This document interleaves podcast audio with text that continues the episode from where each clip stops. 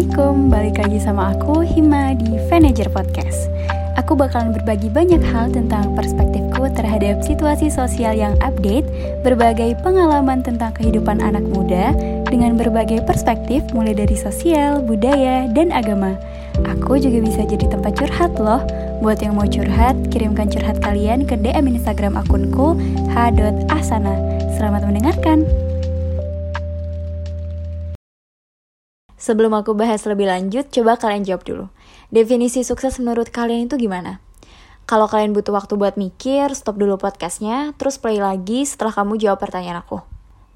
Oke, aku anggap kamu udah punya jawaban dari pertanyaan aku tadi. Kata orang, ini kata orang ya, kamu bakalan dianggap sukses tuh kalau udah punya kerjaan tetap, bagus pekerjaannya, terus ketika kamu tuh udah dapat gaji yang tinggi gitu. Kira-kira kalau kamu sendiri punya perspektif gitu juga nggak tentang kesuksesan? Kalau menurutku ya, kesuksesan itu terlalu sempit kalau cuma direpresentasikan dengan materi yang berlebih.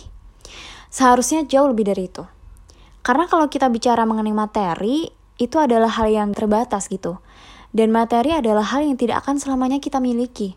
Sedangkan arti kesuksesan menurutku adalah suatu puncak dari segala upaya dan usaha yang kita kerjakan.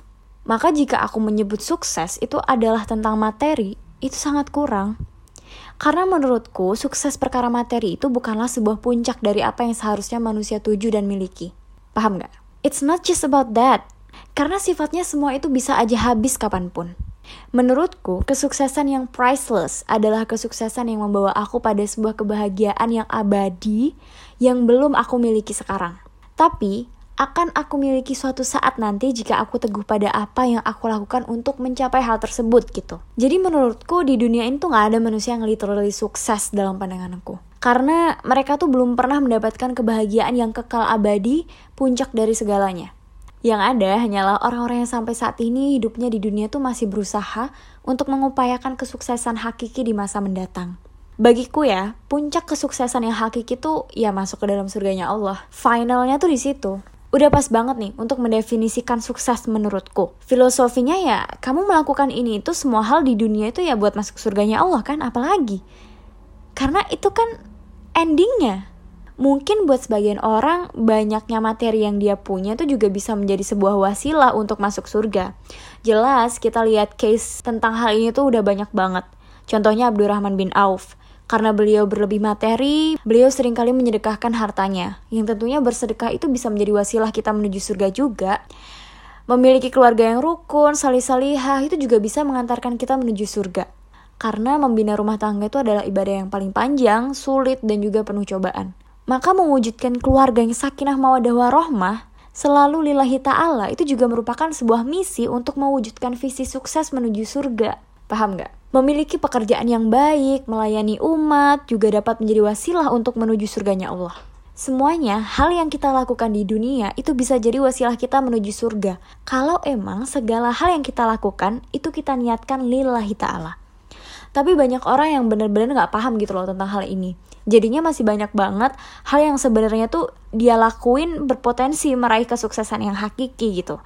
Tapi potensi itu tuh gak digunain karena mereka melakukannya gak karena Allah kalau udah nggak karena Allah, hal yang awal mulanya tuh sifatnya positif aja bisa jadi negatif kalau kita emang nggak menerapkan syariat di dalamnya. Nggak lillahi ta'ala. Kalau misalkan disuruh nyebutin contoh banyak banget deh. Contohnya kayak kerja.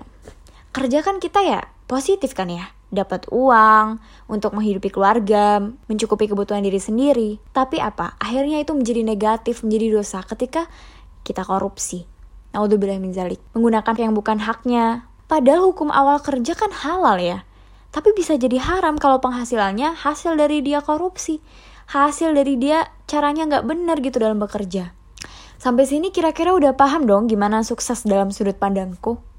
Semua perspektifku ini hadir karena aku tuh seorang muslim yang tentunya menginginkan surga sebagai puncak hadiah dari segala upaya yang aku lakukan di dunia karena Allah Ta'ala. Jika saat itu tiba, aku percaya Allah sedang benar-benar memberi aku kesuksesan yang tidak bisa dibandingkan dengan segala hal yang ada di dunia.